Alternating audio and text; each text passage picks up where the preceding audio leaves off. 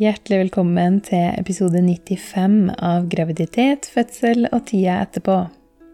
Mitt navn er Anette Hummel. Jeg er doula, mamma og skaper av denne podkasten.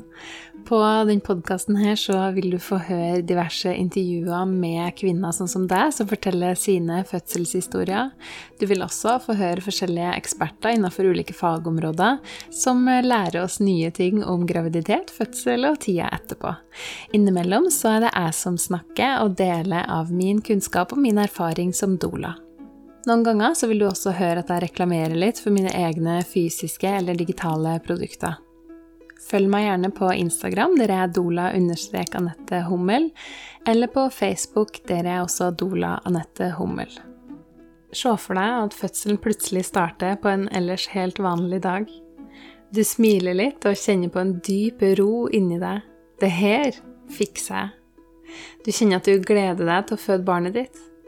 Du vet akkurat hva du burde fokusere på nå i begynnelsen av fødselen, hvilke stillinger som lindrer ryggsmertene, og hvordan du kan bruke pusten til din fordel. Du vet hvilke valgmuligheter du har, og du har skrevet ned alle ønskene dine i fødebrevet som ligger klart. Forarbeidet er gjort, og du kan gli inn i fødebobla og komme ut som en sterk og trygg mamma på den andre sida. Fødebobla er et komplett fødselsforberedende kurs, der du lærer alt du trenger for å stille godt forberedt til en av livets største begivenheter, sånn at du kan gå inn i fødsel med en følelse av trygghet, frihet og kontroll. Les mer og meld deg på på fodebobla.no. Jeg gleder meg til å se deg på innsida. I dag så skal du få noe skikkelig fint av meg, nemlig en reprise av episode nummer fire med Katrine Trulsvik. Her, eh, da vi tok opp denne episoden, så var det mitt første møte med Katrine. Det var et digitalt møte, men vi kaller det et møte, gjør vi ikke det? Etter, eh, etter all nedstenging og alle digitale møter vi har hatt. Det var mitt første møte med, med Katrine, var det opptaket her, og det virkelig Det endra livet mitt, det tør jeg nesten å si. Ehm, for jeg ble så inspirert av Katrine. Eh, og i ettertid så har jeg blitt bedre kjent med henne både gjennom, eh, gjennom fødselsfestivalen, gjennom organisasjonen Birthrights, som Katrine har starta, som jeg er med i kjernegruppa i, eh, og ikke minst gjennom at hun har vært gjest på podkasten flere ganger. Den episoden her vil jeg virkelig anbefale å lytte. Om du har hørt den før, gjerne hør den en gang til, eller hør den nå for første gang. Det er virkelig en skatt av en episode der vi snakker om, eller mest Katrine, snakker om eh, dine rettigheter både på fødestua og utenfor. Så det som kommer nå, er altså opptaket fra eh, snart to år siden. Så jeg håper du nyter det minst like aktuelt i dag. Og så håper jeg at du kan eh, ignorere mine, mine nybegynnerferdigheter som podkastvert. Det er fint at enkelte ting går framover. Kos deg med episoden. Katrine Trulsvik ville bli jordmor fra hun var fem år gammel, og i år 2000 ble hun endelig det. Hun jobba som jordmor på ulike fødeavdelinger fram til 2011, da hun gikk over til å jobbe med hjemmefødsler på fulltid. Men i 2016 ble det brått slutt på det etter en lovendring som gjorde at inntekta hennes ble halvert. Katrine er en aktiv forkjemper for kvinners rettigheter både på fødestua og utenfor. Hun har som mål å vise kvinner at de må steppe opp og ta plass, stille spørsmål og forstå at de har både ansvaret og styringsrett når det gjelder valg i fødsel. Virkemidlet er kunnskap. Jo mer vi vet og kan, jo lettere er det å ta den plassen og stille de kritiske spørsmålene.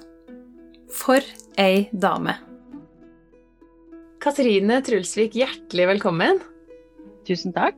Det er så kjekt å ha deg med her. Ja, det er veldig fint å få være med også. Dette her har jeg gleda meg til. Å, så bra. Det har jeg også. Mm -hmm. kan ikke du fortelle litt om deg og din bakgrunn? Jo, jeg er jordmor, og jeg har vært jordmor siden eh, 2000. Eh, jeg ble jordmor etter å ha ønska det i veldig mange år. Jeg har blitt fortalt at jeg ønska å være jordmor når jeg var fem år. Jeg satt i klasserom sammen med en fjerdeklasse. Mamma var vikarlærer. Og alle i klassen skulle fortelle hva de skulle bli når de ble store. Og jeg var fem år og satt bakerst og tegna. Og så ble jeg også spurt, da, og da sa jeg jeg ville bli jordmor eller lærer. Mm. Og lærer var vel fordi mamma jobba som det, da. Men jordmor var det egentlig ingen som visste helt hvorfor jeg sa. Og, men jeg vet bare at jeg har ønska det i hele, hele oppveksten. Og alle mine skritt har vært for å komme dit hen at jeg kunne bli jordmor. Mm. Eh, og jeg må si at det var eh, Jeg følte meg veldig på rett sted når jeg begynte utdanninga. Og hadde det utrolig fint under utdanninga. Eh, allerede da så var jeg opptatt av uh, kvinnene i fødsel. Og ikke så mye av actionene ved fødsel, men mer kvinnene og deres opplevelser og den, den, uh, den, unike opplevelsen de skulle gå gjennom, den, den, var jeg veldig nysgjerrig på. Jeg hadde ikke barn selv på det tidspunktet.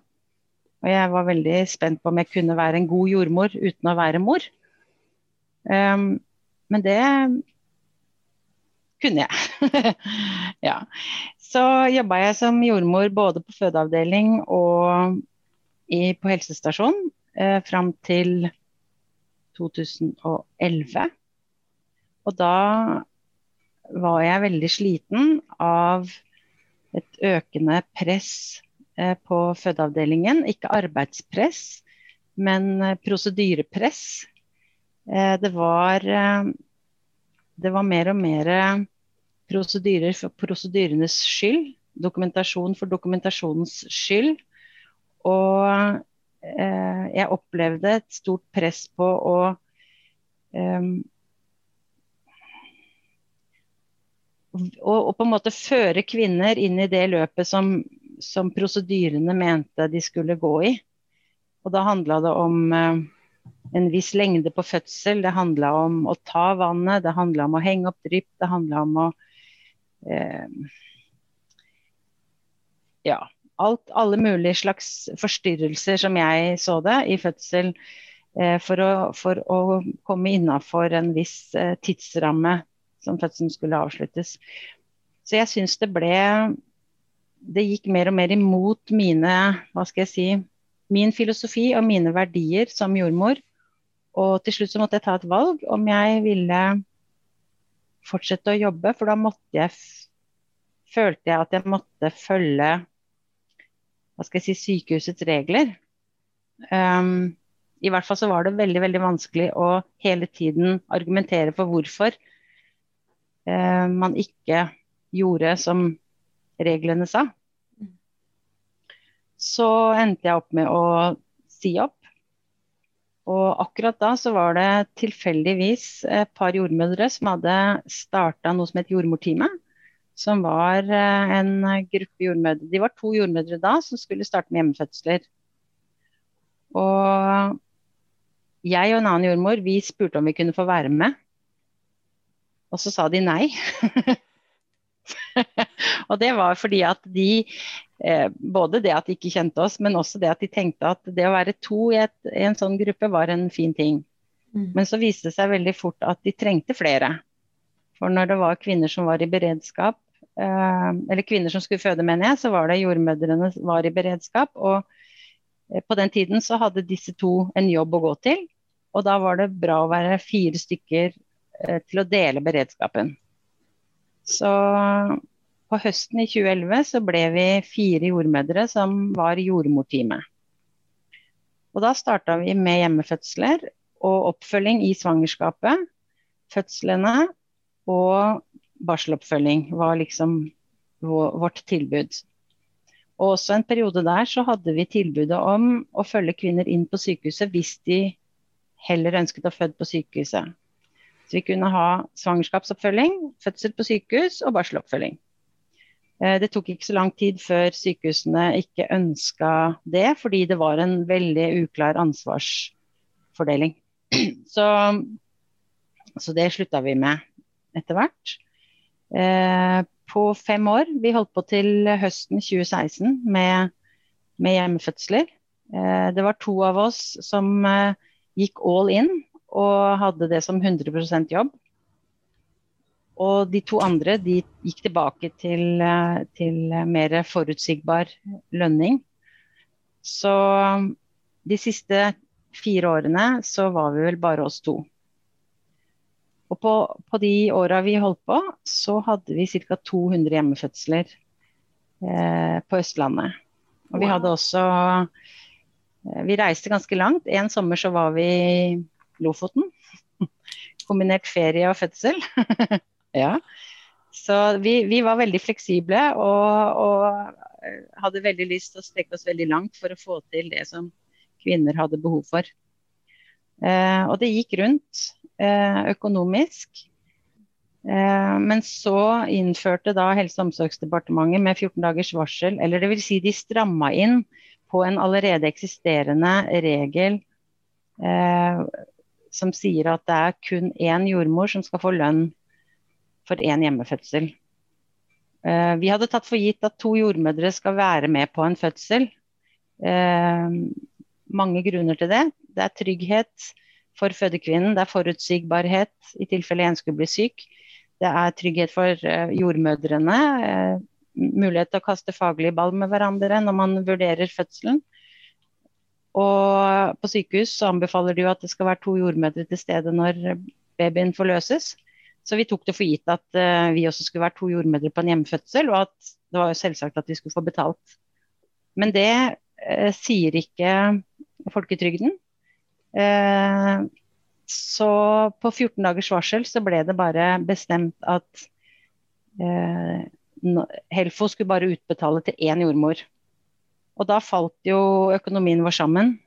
Da istedenfor å ta ut 30 000 eh, brutto i lønn, så ble det 15 000. Mm. Eh, og det kunne vi ikke leve av. Um, så, så, da ble jordmorteamet avviklet. Og um, vi kunne se tilbake på ca. 200 kvinner som hadde fått oppfølging av oss gjennom sine fødsler. Og ca. 14-15% overflytting til sykehuset. Så det var en veldig, veldig pen statistikk. Ja, absolutt. Mm. Mm. Ah, kjempefint. For en historie. Mm. Wow. og at dere fikk støtta så mange. Ja. Det er helt utrolig. Og så er det interessant fordi at uh, når vi hadde på en måte, vi hadde ca. 40-45 fødsler i året, da. Mm. Og hvis du ser på statistikken, så, er, eh, så topper det seg da i 2015-2016. Eh, da er det rundt 180 hjemmefødsler. Mm. Og når vi slutter, så er de nede på 120. Ja, sant. Så vi ble ikke erstatta. Og, og da, da, var det på nyhetene bl.a.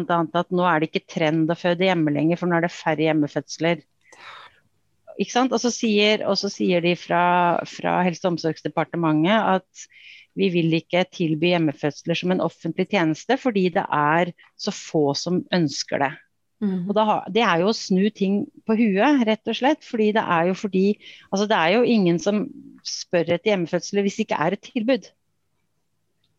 Og hvis de spør etter det, så får de jo høre at det ikke er et tilbud. Så da er det jo liksom slutt med det.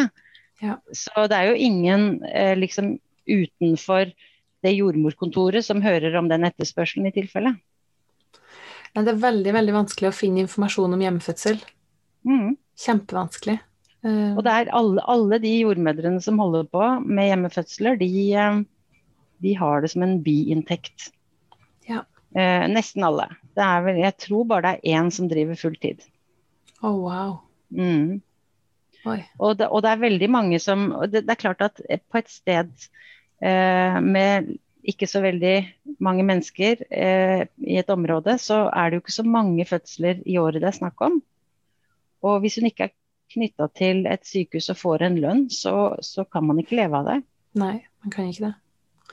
Men sjøl, altså jeg bor jo i Trondheim, og sjøl her så er det bare ei jordmor som driver med hjemmefødsler. Mm. Og hun jobber jo på St. Olav ja. utafor. Mm. Sånn at hvis man ønsker hjemmefødsel sjøl i, i en, altså i, i, forhold til norske begreper så er jo Trondheim en større by. Ja. Eh, og sjøl her så er det vanskelig å få det til i praksis. Ja. Mm. Og det har jo vært flere, men de er jo også da kjent at det har blitt for tungt. Det har blitt for vanskelig. Det Mm. går en grense et sted. Ja, det er synd, altså. Mm. Um, og når det kommer til, når det, kommer til det med, med kvinners rettigheter, da, for du snakker jo litt, med, litt om det med kvinners egne valg og Mm. muligheten til å velge sjøl. Når du snakker Mm. om det um, med kvinners rettigheter før, under og etter fødselen, så Mm. uh, har vi jo sett at du ikke er redd for å si det du mener. Eh, og det har vi jo sett i forhold til Det har vi sett i innlegg både i NRK, Dagsavisa og nå nylig et veldig bra innlegg, forresten, eh, på sykepleien.no. Mm.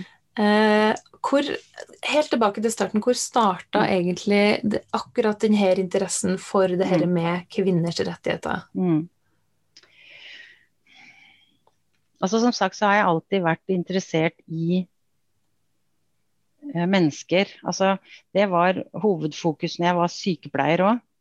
Eh, jeg jobba i kreftomsorgen. Og, og det å, å være interessert i de menneskene man møter, og høre menneskenes historier, og møte dem på det de har behov for, og innse at det er veldig forskjellig.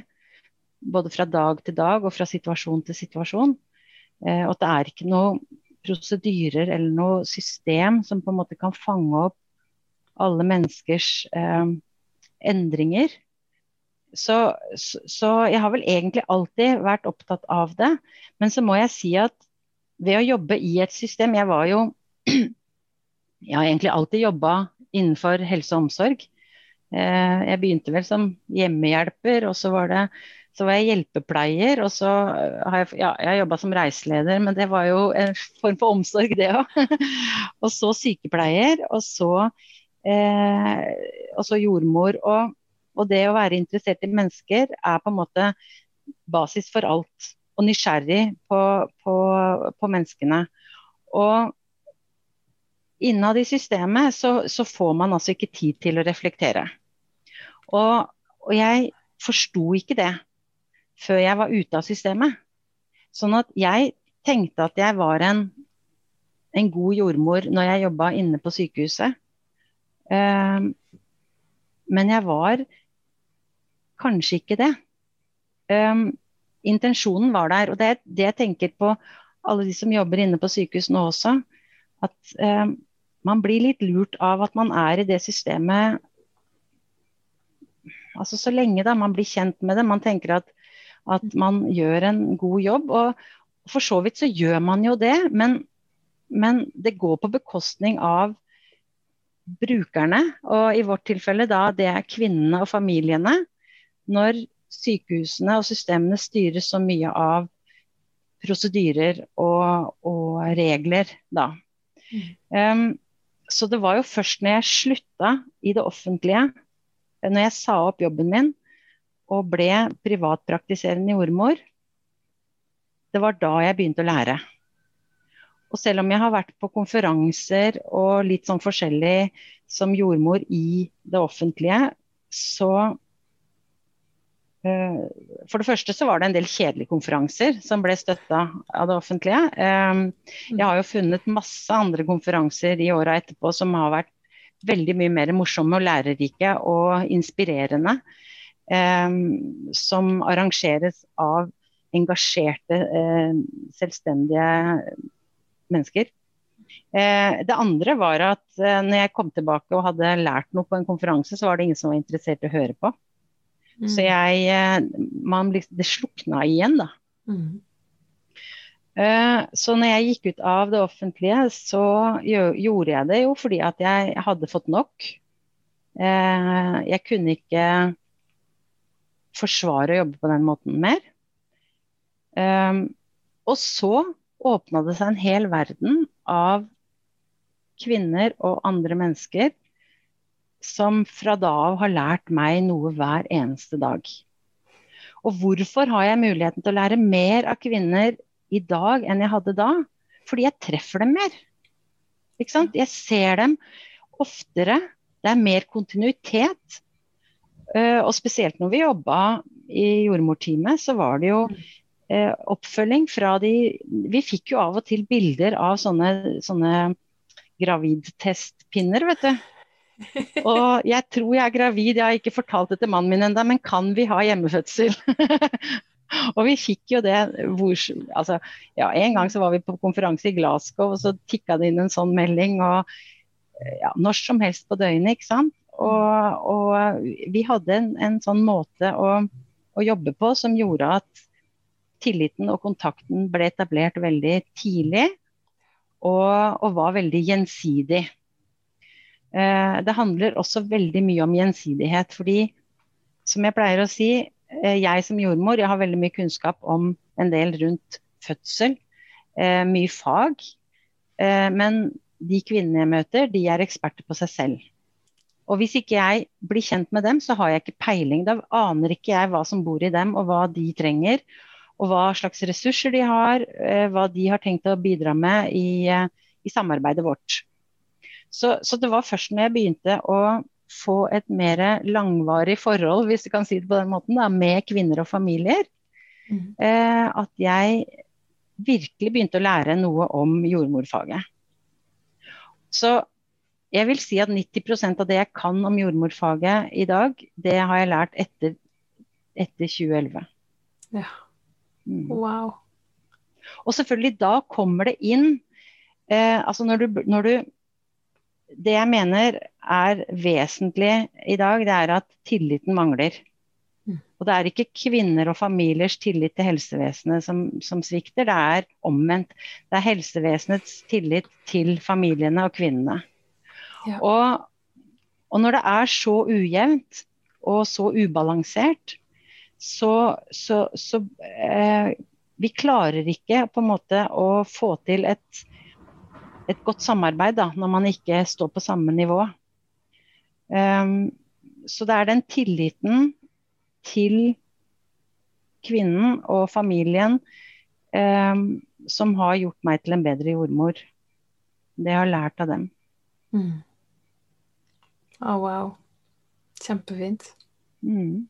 Ja. Og da ser jeg jo hva som mangler òg, for da, da, ser jeg jo at de blir jo ikke møtt på det de har behov for. De blir jo ikke sett. De, de blir jo ikke forstått. De blir jo ikke tatt på alvor. Unnskyldningen er alltid at prosedyren er sånn, og vi har det ikke tid, og vi må gjøre sånn. Og, ja. Mm. ja. og det er dessverre veldig vanlig innenfor flere, flere områder innenfor kvinnehelse. Ikke bare rundt fødsel, men uh, mm. mange andre områder rundt kvinnehelse også. Det er et, en kvinnesak. Dette er kvinnesak mm. på høyeste nivå. Ja absolutt. Jeg er helt mm. enig. Mm. Helt enig.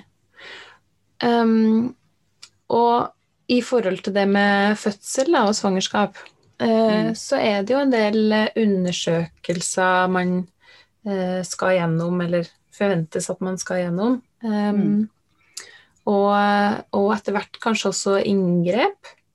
Uh, og både undersøkelser og inngrep som kan oppleves som obligatoriske for den som er gravid. Mm. Men, eh, men, hva er det som egentlig er valgfritt, og hva er det som egentlig er obligatorisk? Mm. Det er ingenting som er obligatorisk.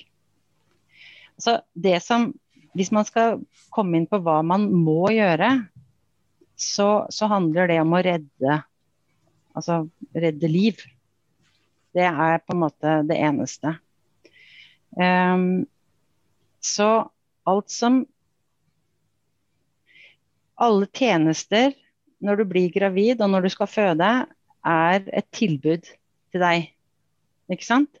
Så du har et tilbud om å gå til oppfølging hos jordmor eller lege, eller begge deler.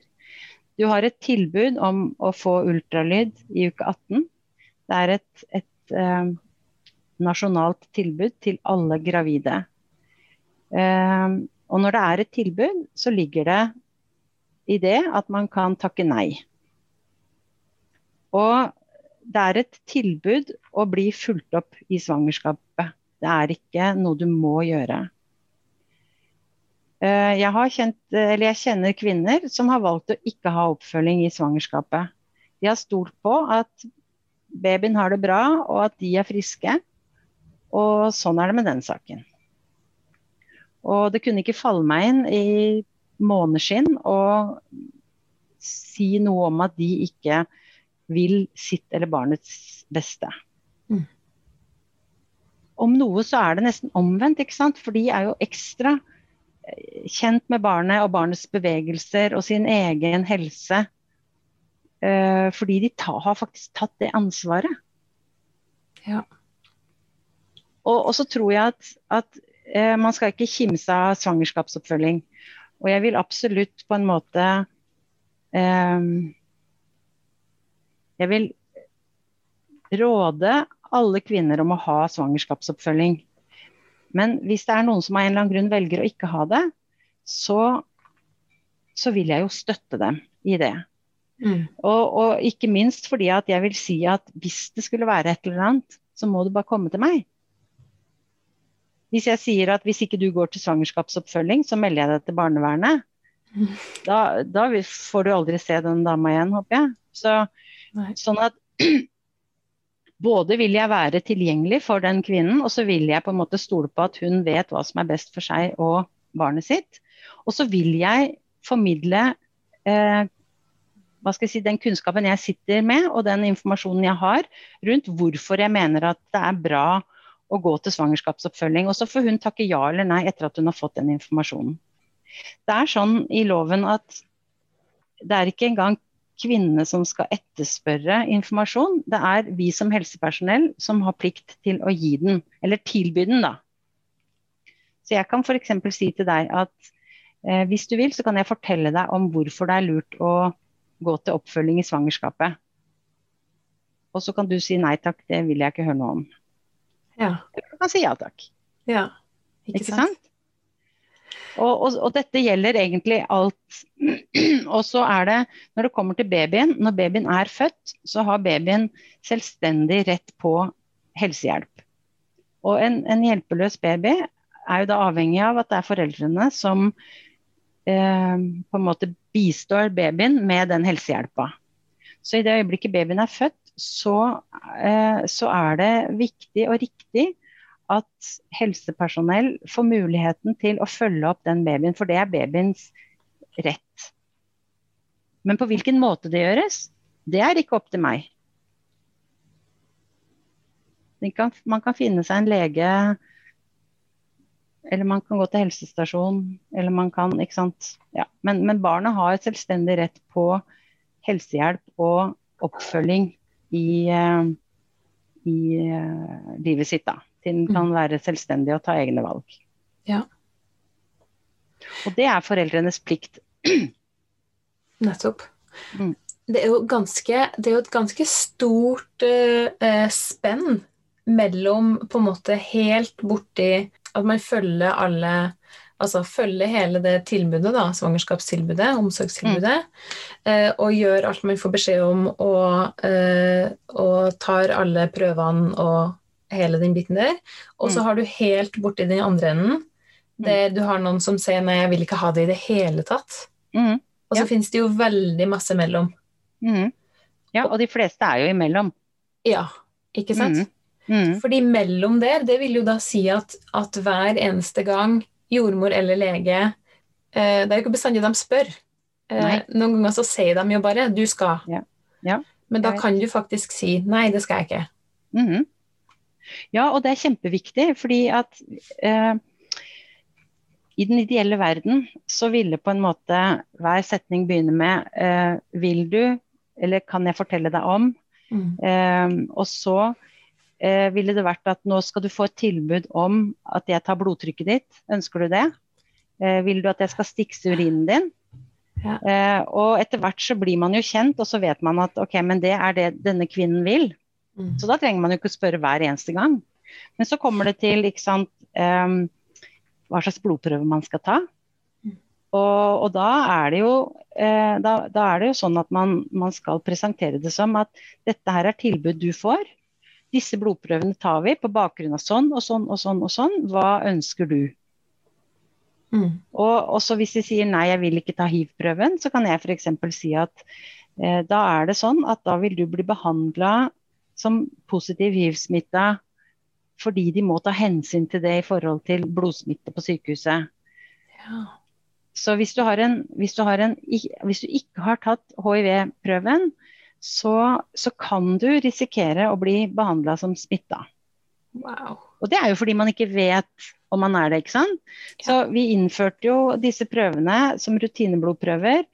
Eh, både for å finne ut hva som på en måte Er det noe å gjøre her som kan rette opp en eventuell mangel eller, eller feil?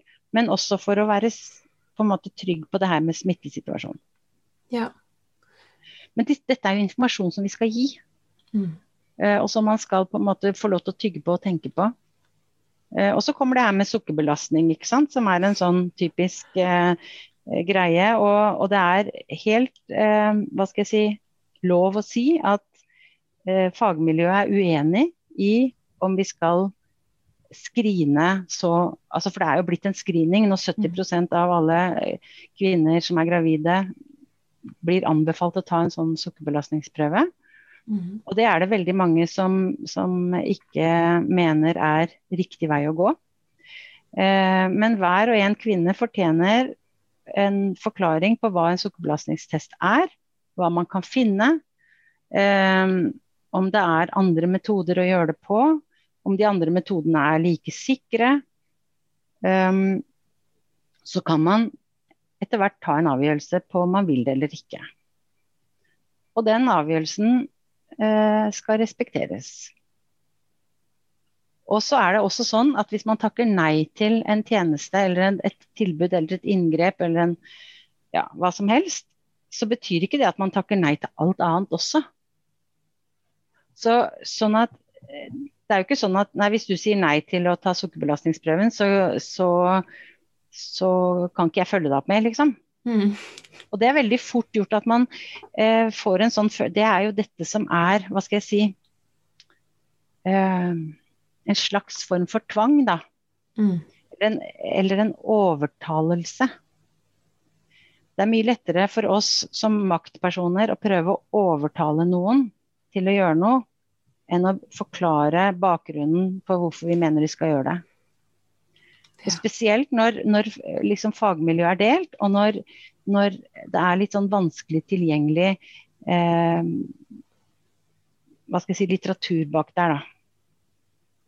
Eh, og da hjelper det veldig ofte å forklare litt historier, si litt om erfaring, hva andre eh, har tenkt, og prøve å gjøre det litt lettere tilgjengelig. Eh, og så kan kvinnen Eh, i fred og ro ta et valg. Ja. Og så kommer det det med vekt. ikke sant? Hvis man skal veie seg, skal man veie seg når man er gravid. Veldig mange tror at de må veie seg. Ja. Og veldig mange jordmødre er veldig opptatt av at, at eh, de må veie seg. Mm. Men det er også et valg. Ja. Og det tallet på vekta, hva, hva, betyr det da? Er det ikke viktigere hvordan man spiser og lever og hva slags livsstil man har, og at man heller bruker litt tid på å snakke om det? Ikke sant. Ja, det kan du si. Og sånn som, sånn som den sukkerbelastningstesten også, for det er jo alle som har en BMI over 24 eller noe sånt. Det er ikke 24? De får jo det tilbudet. Nei, jeg, jeg tror det er høyere, men uh... Det er ganske lavt. Jeg ble helt sjokkert over hvor lavt det var.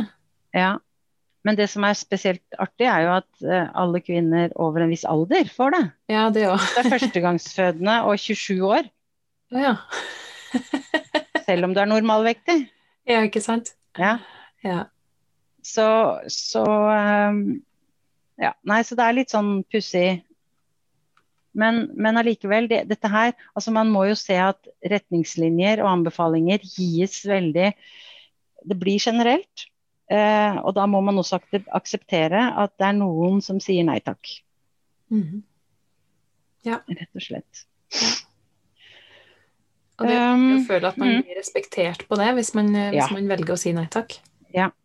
Mm. Og, og jeg, har jo, jeg, har jo, mange som ringer til meg og, og, spør om kan jeg få en samtale med deg fordi når jeg spurte jordmora mi om jeg burde ta sukkerbelastningstesten eller ikke, så, så sa hun ja, det må du, for du, du, eh, det er prosedyre fordi du er tjukk eller mm. fordi du er 28 år eller Ikke sant? Og så når de spør om å få vite mer, så, så, har de ikke noe mer å gi.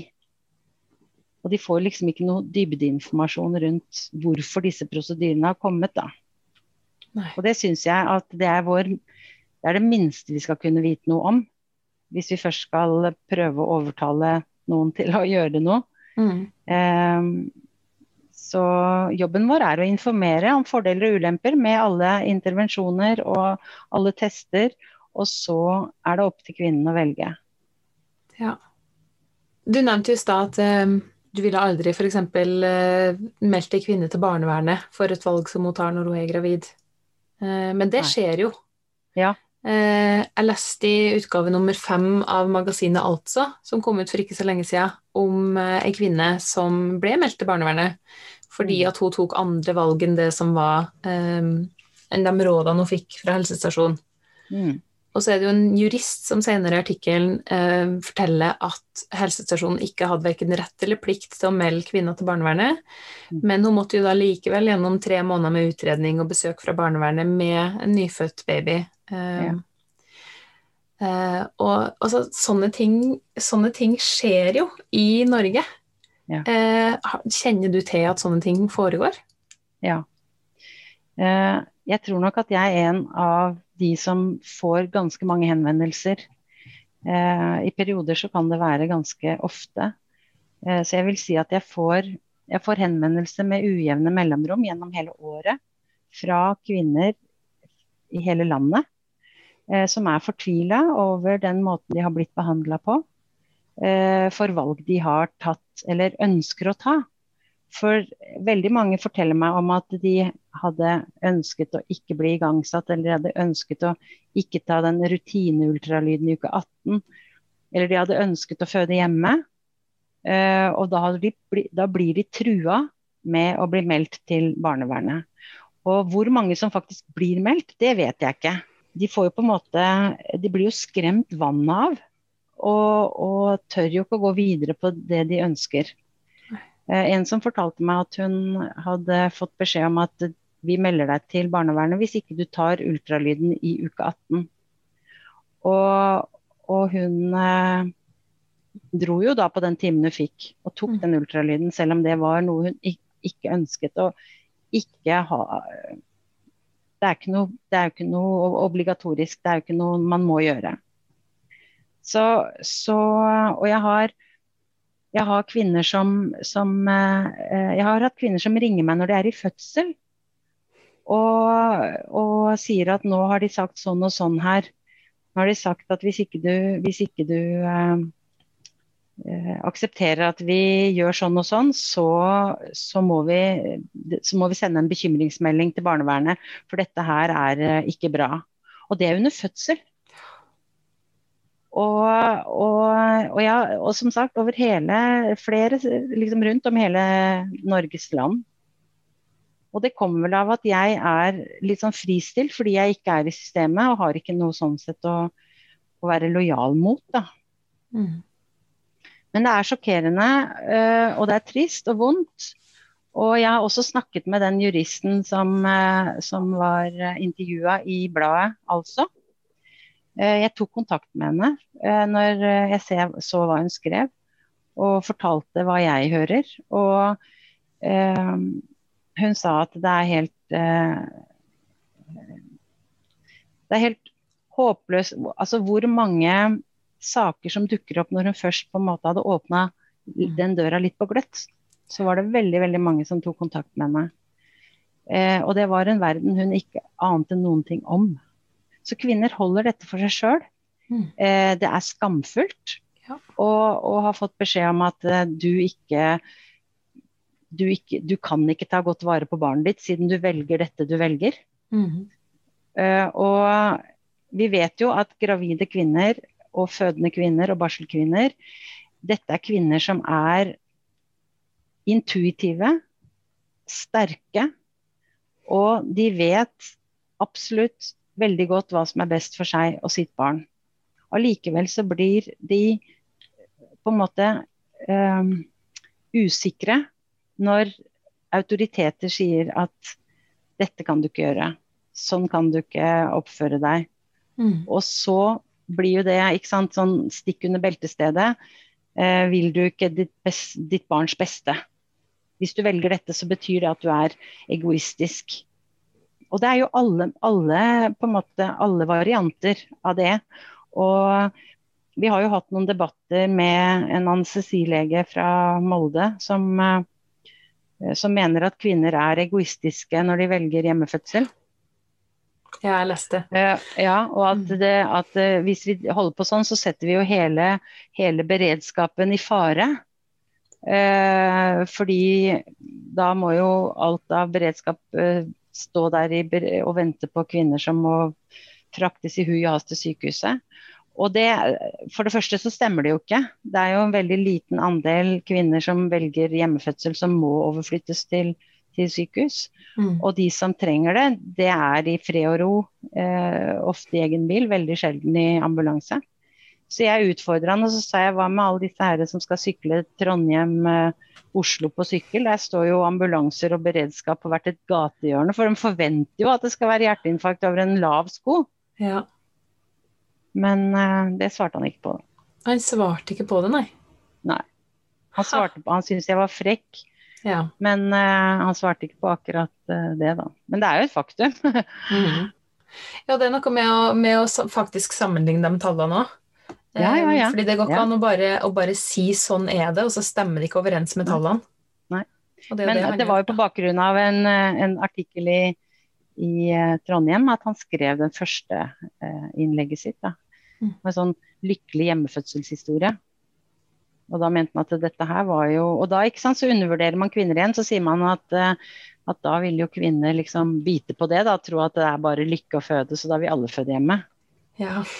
Så det er? Hele, hele veien så går det på at kvinner skjønner ingenting og vet ikke sitt eget beste, og bare følger saueflokken og ja. Så, så det er noen sånne forutsetninger der som jeg syns er utrolig nedlatende og diskriminerende.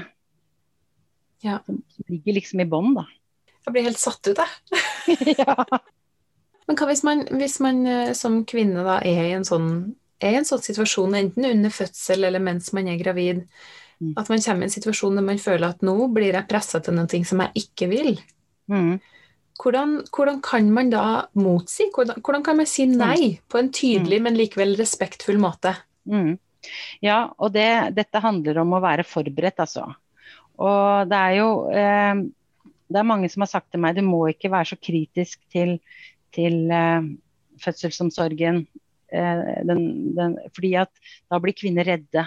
De blir redde for å dra på sykehus og føde. Og det er jeg også veldig uenig i. For det er ikke, det er ikke sånn at eh, kvinner går rundt og, og eh, er noen persilleblad som ikke tåler å høre sannheten.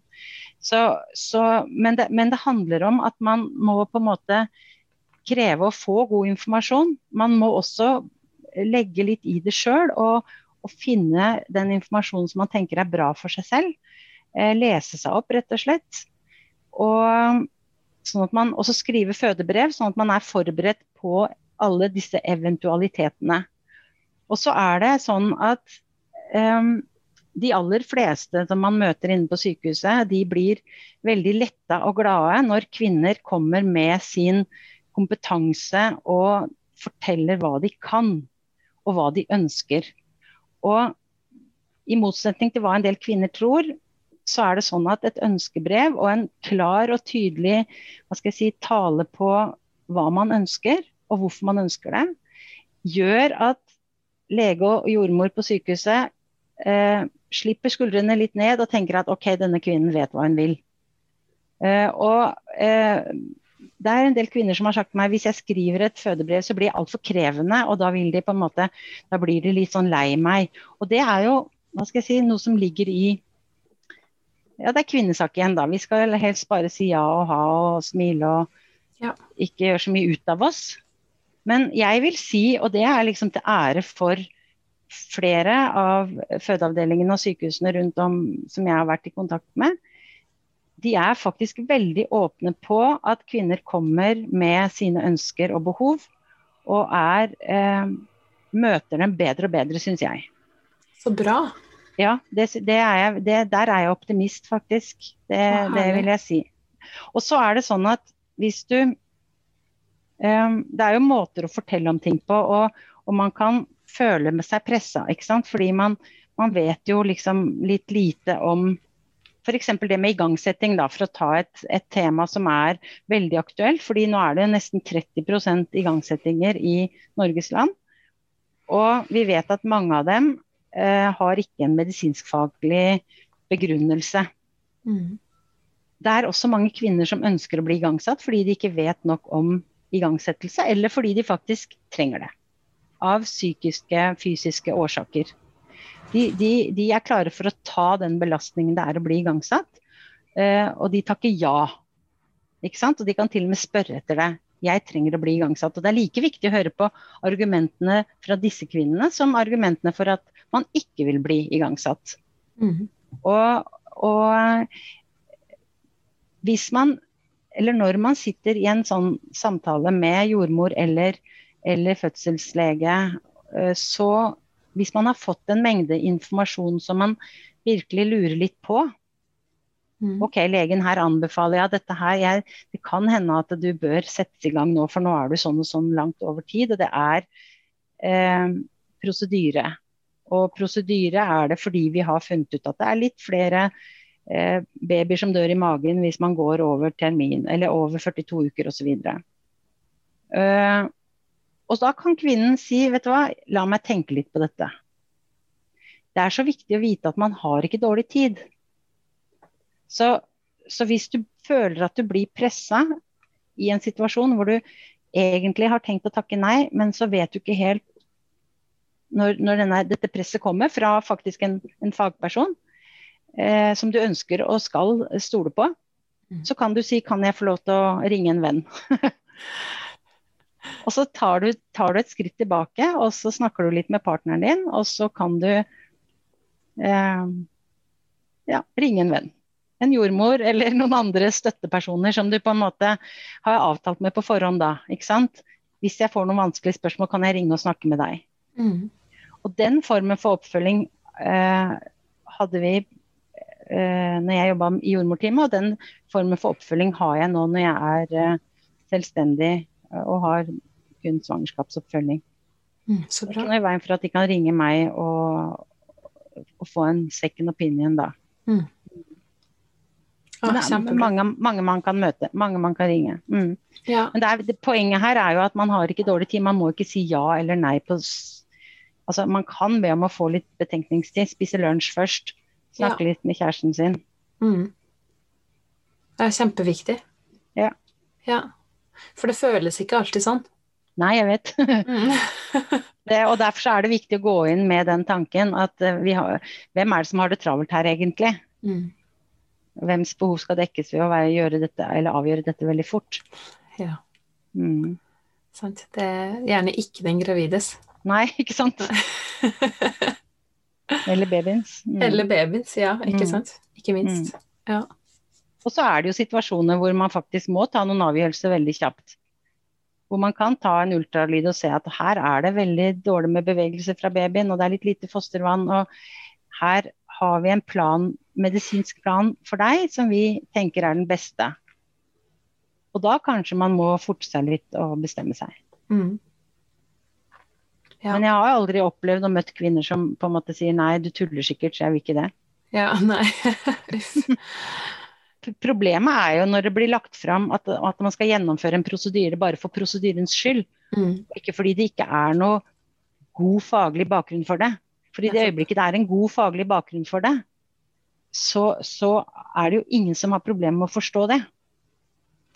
Nei, fordi også i det tilfellet som du snakker om da, det, i det eksempelet, ved at det er en ultralyd og det er lite fostervann og lite bevegelse, så, så, har man jo i hvert fall tid til å spørre hvorfor. Altså, hvis, ja. at, hvis mm -hmm. det blir sagt vi vil gjøre det dette, ok, hvorfor vil dere det? Hva er, hva er, fordelene med det, hva er ulempene med det? Hva er risikoen? Man har fem hva skjer, hvis, hva skjer hvis vi ikke gjør noe? Mm. Ja. Hvorfor vil dere gjøre det? Eh, hva er fordelene og ulempene, som du sier? Hva skjer hvis vi ikke mm. gjør noe? Ja. Er det nødvendig? Og hvis vi sier ja, det er nødvendig fordi nå sliter babyen, og vi ser at den trenger å bli født ganske fort. Ikke sant? Ja, da er det tydelig. Da er det tydelig. Da får man Og da har man jo Altså, vi har jo utstyr og muligheter for eh, en del både undersøkelser og intervensjoner som, som vi er veldig heldige til å ha. Mm. Eh, og problemet er jo at det blir misbrukt. Og det er, blitt, det er blitt misbrukt fordi man skal spare tid og penger og ressurser. Um, og så har man begynt å, å ha altfor mye risikofokus. Kanskje for å forsvare hvorfor man gjør det så i hurten og sturten, da. Ja, for det er veldig viktig å påpeke det du sier nå, altså, at, vi, at i utgangspunktet så er de tingene bra. Mm -hmm. Det er bra at det går an å bli igangsatt, og det er bra ja. at det finnes keisersnitt, mm -hmm. f.eks. Definitivt. Mm. Altså, vi er et av de heldigste landene i verden. Ja. Det er visse, visse land som, hvor, hvor, man må betale for å få epiduralbedøvelse. Ja. Og, og hvor, hvor, ressursene er sånn at uh, selv om du trenger et keisersnitt, så får man ikke et keisersnitt. Mm. Så, så, vi skal jo være veldig glad for den kompetansen og, og det utstyret som fins på våre sykehus og i vårt samfunn. Uh, og, men, men man, må, man, må, også hva skal jeg si, tørre å, å ta den debatten uh, som man tar globalt. Det, det, som sies som heter 'too much too soon'. Mm. Som, er, uh, som er en stor global diskusjon i dag. Som koster både masse penger og masse liv. Ja. Uh, I motsetning da til noe som man har kjent på lenge, uh, som er too little too late, som har ramma en del mennesker i land som ikke er så heldige som også har alt det utstyret og den si, kompetansen og fagpersonene som, som, vi har rundt oss til enhver tid. Nettopp. Så det handler om å finne balansen her. Ja, absolutt. Mm. Ja, og det, er, det, kan være litt vanskelig. Ja. Mm. Og det er jo enormt mye med eh, faglitteratur, og det er jo også til dels eh, motstridende faglitteratur. Det kommer litt an på hvor man leiter. Og, og, så, så, derfor så tenker jeg at man, man eh, må være litt kritisk. Mm. Eh, som det gjelder med all, hva skal jeg si, alt man googler. eh, så, så, handler det om å være litt kritisk og, og prøve å se på kilder osv. Eh, og så prøve å lene seg på det som føles riktig for seg sjøl, da. Ja. Nettopp. Kjempe Ja, gode tips. Det er generelt et godt tips sånn i livet, det å være litt sånn kildekritisk. Det er det. ja. det er det. Mer og mer. Mer og mer, absolutt. Ja. Ja. Mm. Men, eh, men, har du noen eksempler på, på, hvor man kan finne god informasjon? Hvis det er noe konkret man lurer på, hvor kan man finne ut hvilke rettigheter man egentlig har? Altså, pasientrettighetene og helsepersonelloven er jo veldig tydelig eh, på hva som er helsepersonells ansvar og plikter, og hva som er pasientenes Og per definisjon så er jo fødekvinner pasienter, eh, selv om det ikke er det. Så, så, så, rettighetene til pasientene vil man jo da finne i pasientrettighetene. Um, det kan være litt sånn vanskelig, eh, vanskelig, tilgjengelig, men der finner man i hvert fall hva slags eh, plikter og rettigheter man har, både som fødekvinne og hva man kan forvente av eh, helsepersonell. Og det som, er, det som er litt synd, er at det oppleves av og til som at helsepersonell ikke selv vet hva som er deres plikter og rettigheter. da. Verken for seg eller for de de skal hjelpe. Men, men der kan man finne det. Og, og så er det jo eh, i større og større grad så snakker man jo om samhandling innenfor eh, helsevesenet. Og det fins masse å lese på eh, hvordan samhandling skal foregå. Men det går jo på eh, at hjelper og den som skal bli hjulpet, eh, har på en måte likeverdig eh, rolle i hva som til slutt bestemmes. Og Da går det på, på, hva slags informasjon du får, og hva slags valg du tar på bakgrunn av den informasjonen. Mm.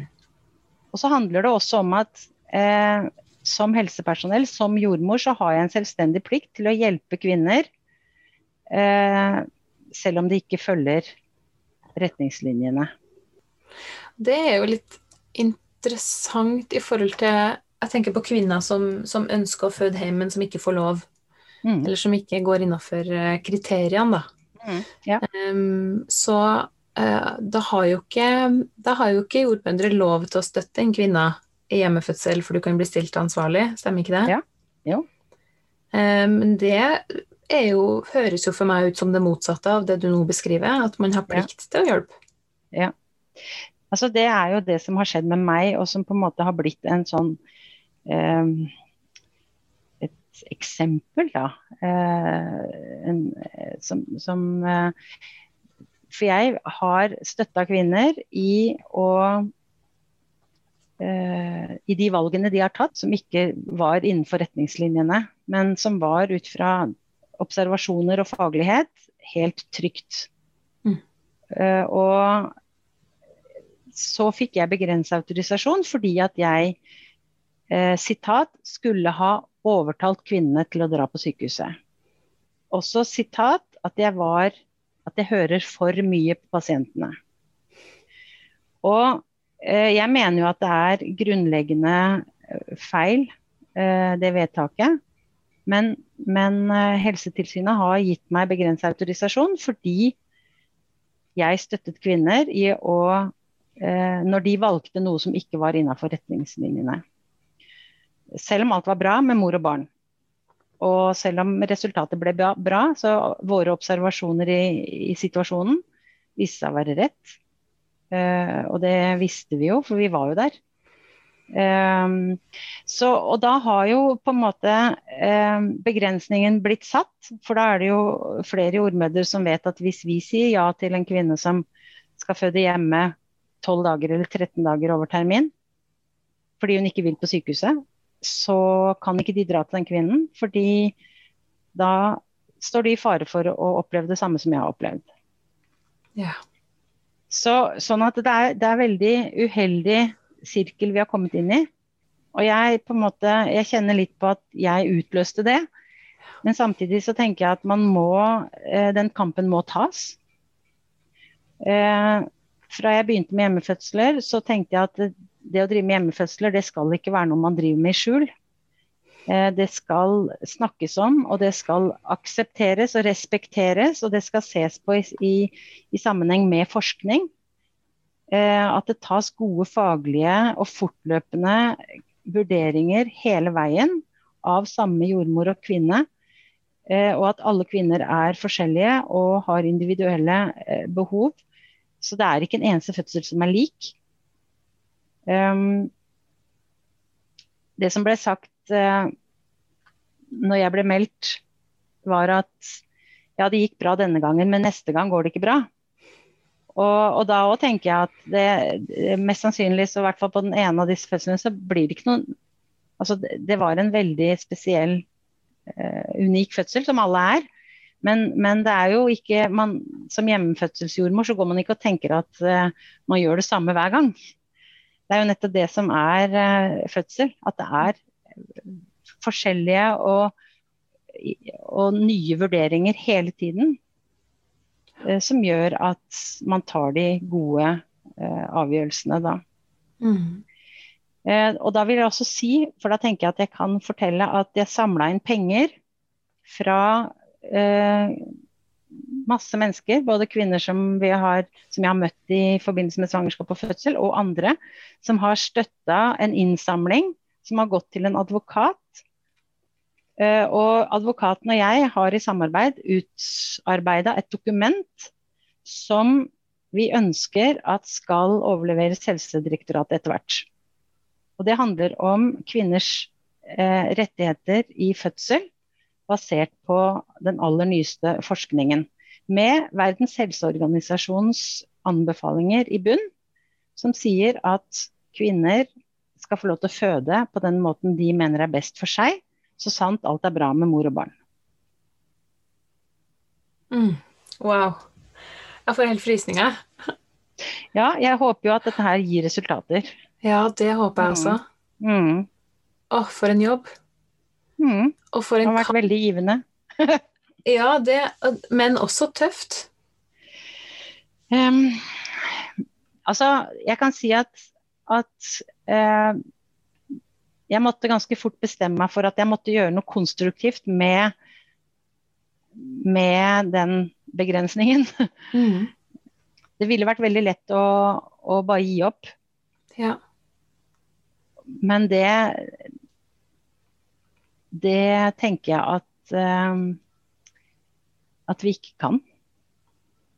Fordi vi har jo barn, og vi etter hvert Jeg er så gammel at jeg har barnebarn.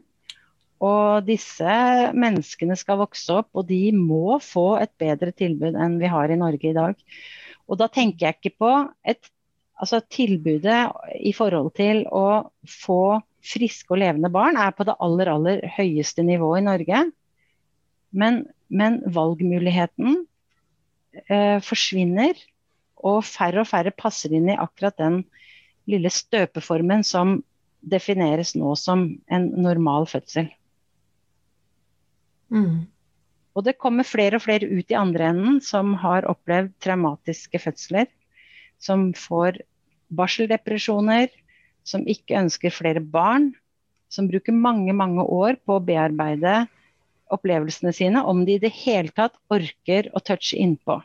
Det, det sitter mange kvinner der ute som ikke har fått bearbeida fødslene sine. Ja.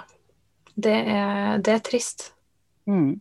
Men en positiv ting nå, tenker jeg, det kommer opp Altså, kvinner har fått plattformer hvor de kan dele eh, historiene sine. Eh, det gjør at det er lettere å sette ord på man, hvordan man har det. Eh, det er, i motsetning til hva noen sier, ikke en trend, men en gjenkjenning av hvordan man har det, som gjør at man selv kan begynne å bearbeide og snakke om sine egne opplevelser. Og da tror jeg at selv om vi nå ser en økning i eh, depresjoner eh, i barseltida, og, som relateres til, til eh, fødslene, så tror jeg faktisk at vi er i ferd med å løse opp en knute. Fordi vi har de plattformene vi har. Og, og da, Det er jo lov å være deprimert og, og lei seg og sinna og, og, alle disse følelsene, så lenge man kommer ut litt mer styrka i andre enden. Mm. Og det, det, tror jeg faktisk man kan klare, i motsetning til da for 50 år siden, hvor, hvor det kanskje ikke var en eneste plattform til å si noe som helst. Da skulle man bare rett inn i forkleet sitt og fortsette å jobbe på kjøkkenet. ja. ja. det er gud sant, altså. Fy søren. Mm. Så noe bra er det jo, ikke sant? Noe bra er det jo med at vi deler. Uh, og at uh, sånne som deg lager podkast, og at man har Facebook, og at man har altså, Instagram, og uh, vi blir mer synlige. Ja. ja, det er kjempebra. Mm. Det er kjempebra. Jeg oppdager stadig nye, nye plasser der det deles mm. sånne ting. Mm. Og historier, og, og, og det man kan få støtte. Ja, ikke sant forståelse og bli hørt, ikke ja. minst. Mm. Ja. Absolutt. Uansett hvordan man har opplevd fødselen sin. Ja, ja, ja. ja. Og, og, er det noe kvinner trenger, så er det jo å snakke om fødselsopplevelsen sin. er jo ikke verdt å snakke om bare, har, eller bare når den har vært eh, tøff. Um, og det var jo et av temaene jeg tok opp i den eh, eller den eh, debattinnlegget på sykepleien.no. At uh, hun av en eller annen grunn kritiserte at, at fødsler ble rosemalt eller idyllisert. Eller, ikke sant? Mm. Og, og det, er jo, det, er jo, kanskje omvendt at det er kjempevanskelig å dele de positive historiene. For da blir de som har opplevd noe vondt, veldig lei seg. ja. eh, og det er fort gjort å, å da eh, føle på det at man skal ikke si at man har hatt det bra, liksom. Mm. Så det er både viktig å få dele de opplevelsene som har vært veldig tøffe, øh, og være kritisk til det som har skjedd, uten at noen skal bli, føle at nå skremmer jeg noen. Du trenger ikke akkurat å fortelle om den ferdige historien din til en gravid kvinne, men, men, en jordmor eller en annen som på en måte er mer sånn objektiv, da. Mm. Ja. Og så er det de gode historiene som definitivt bør deles. Ja. Om igjen og om igjen og om igjen. Helt enig. Er det, noe, er det noe annet du ønsker å dele sånn avslutningsvis, før vi gir oss i dag? Jeg kan mm. understreke igjen at å forberede seg til sin egen fødsel er noe av det viktigste du gjør. En kvinne har ikke veldig mange fødsler i livet sitt. Og det er verdt å bruke litt tid på å finne ut av hvordan man ønsker seg fødselen sin. Og tenke at jeg er ekspert på meg, og de på sykehuset de kan ta seg av alt det andre. Og har man fokus innover og, og trygghet på sin egen fødekraft og sine egne avgjørelser, så kan de andre ta seg av det praktiske rundt. Mm. Så, så, det å lese seg opp, det å gå til jordmor i svangerskapet, be om svar, be om linker til forskjellige artikler um, Jo mer man lærer, jo mer lurer man på. Ja. Sånn at det blir en slags sånn dominoeffekt. Og, og um, jeg kjenner mange kvinner som overhodet ikke leste seg noe opp ved første svangerskap, men som definitivt gjorde det ved neste. Uh, og det, det, er noe av det jeg elsker aller mest. Det er disse disse kvinnene som tenker at de bare reiser seg og sier at OK, nå skal jeg gjøre det annerledes. Mm. Det var ikke så bra forrige gang, men det skal jeg jammen fikse på nå. Ja.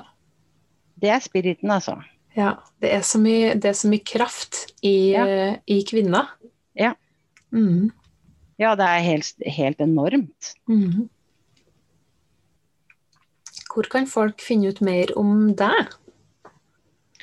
Altså, jeg har eh, en eh, både en hjemmeside og en Facebook-side som heter Jordmor naturligvis.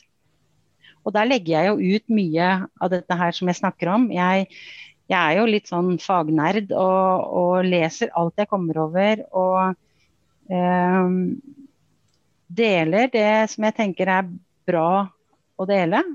Det er vel egentlig alt som jeg leser, da. eh, og, så, og, så, har jeg jo en side som heter Fødselsfestivalen. Mm. Eh, og, og, der òg kommer det en del eh, faglig fram.